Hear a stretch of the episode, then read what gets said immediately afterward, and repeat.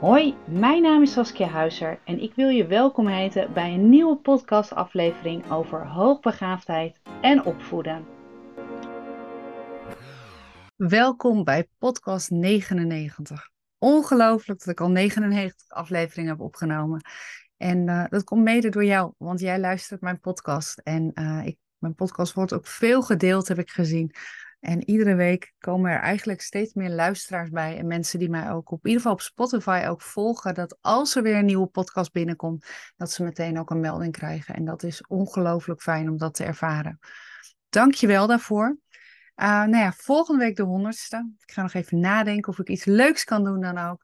Mocht je trouwens nog uh, ideeën hebben of uh, vragen over een podcast of juist heel graag wil dat een bepaalde vraag besproken wordt, laat het mij dan ook weten en dan ga ik kijken of ik het kan meenemen.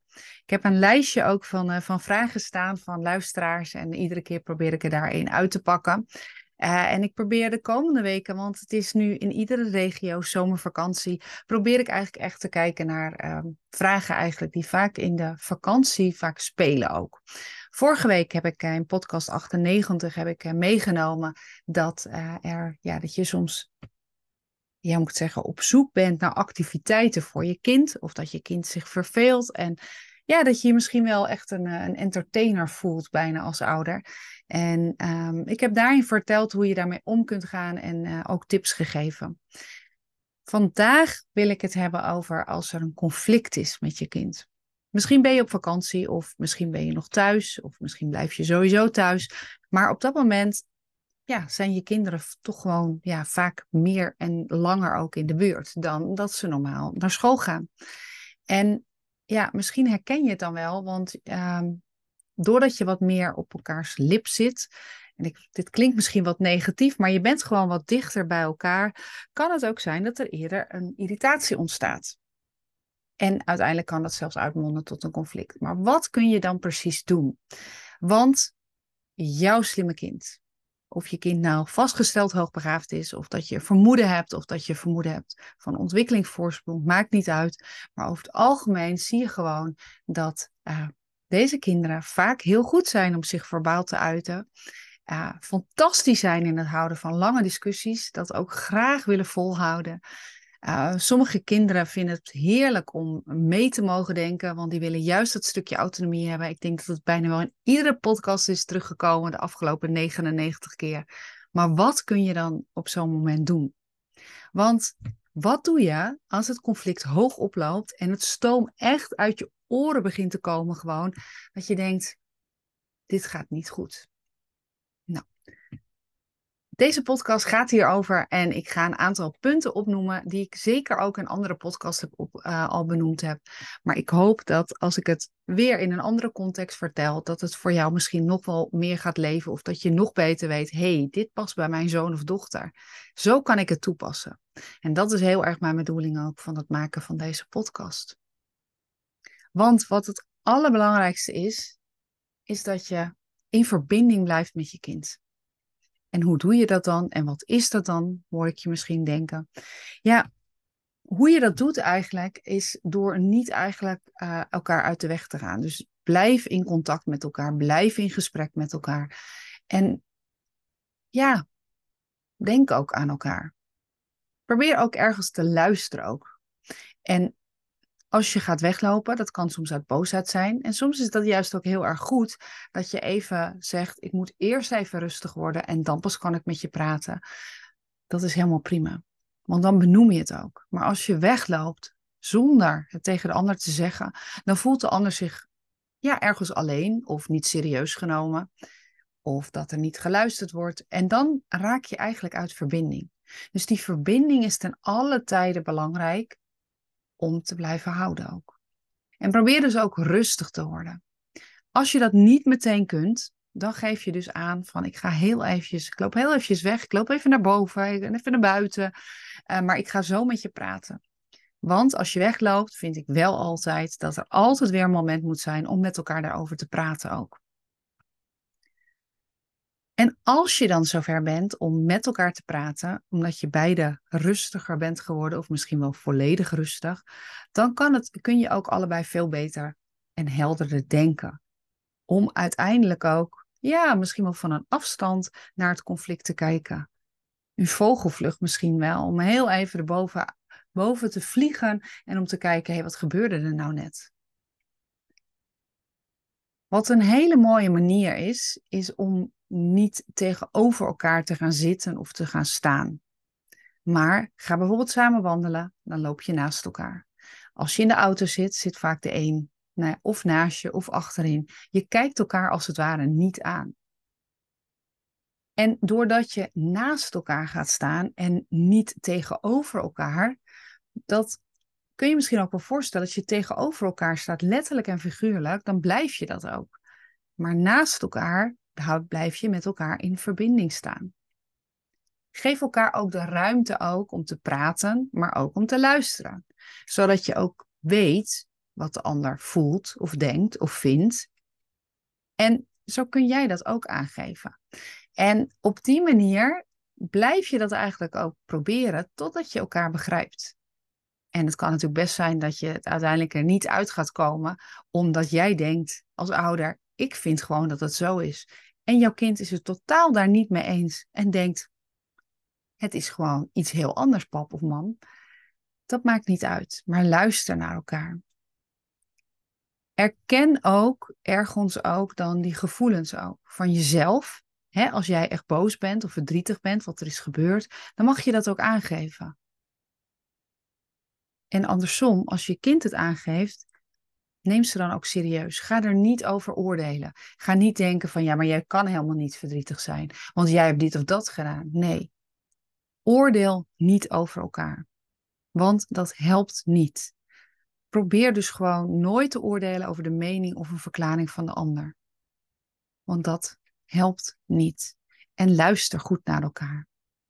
En als je ook een open communicatie creëert, dus eigenlijk ook dat je, nou, dat je eerlijk naar elkaar luistert en inderdaad dus die tijd en die ruimte krijgt om te mogen praten of om te luisteren, dan weet een ander ook, of jij weet dan zelf ook, dat jij de tijd en de ruimte krijgt. En dat is natuurlijk super fijn.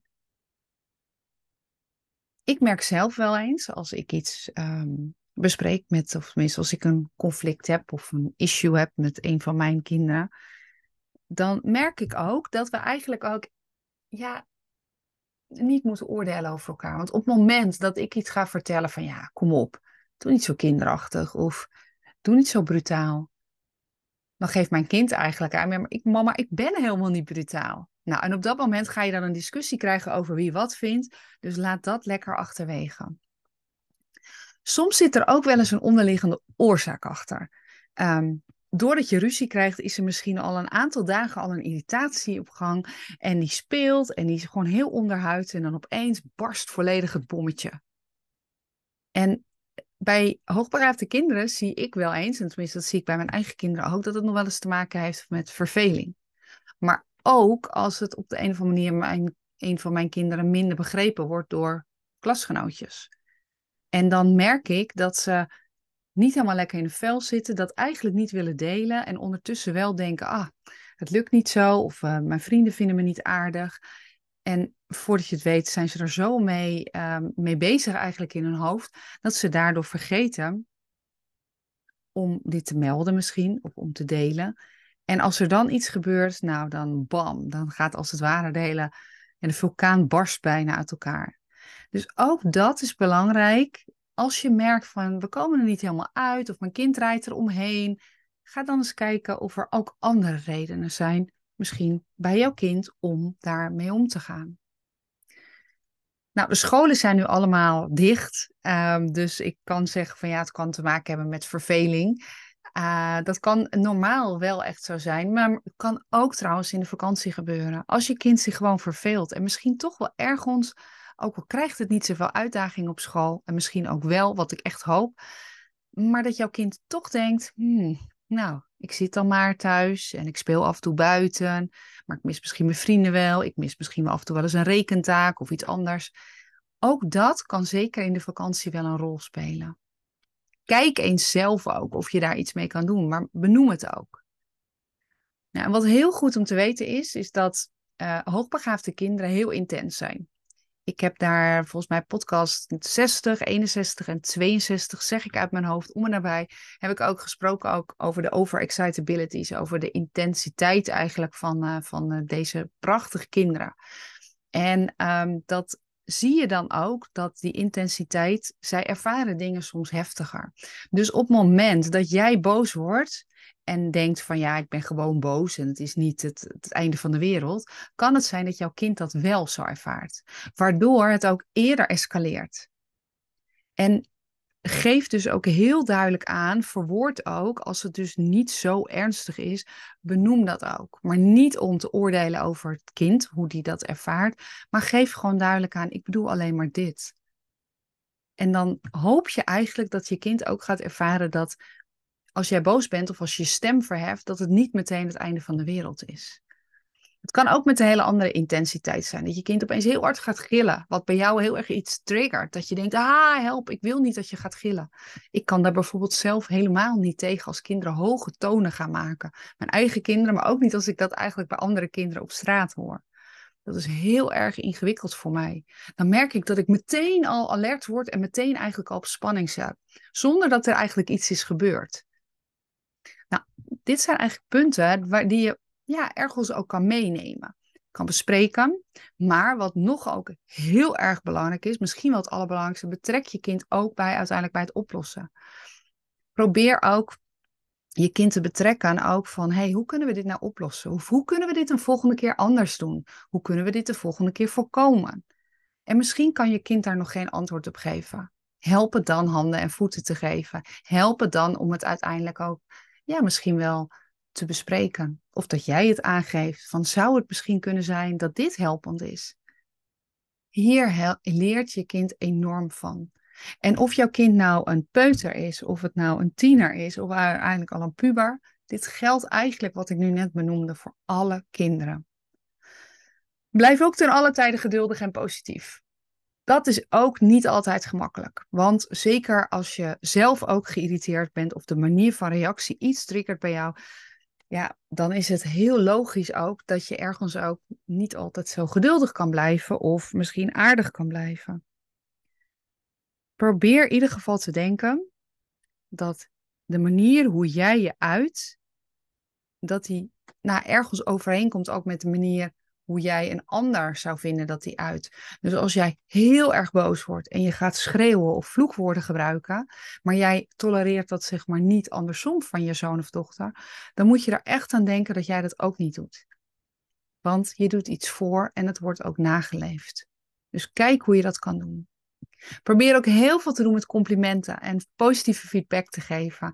En um, humor werkt ook fantastisch. Alleen soms voel je even die humor, denk ik niet, op het moment dat je uiteindelijk ook zo boos bent.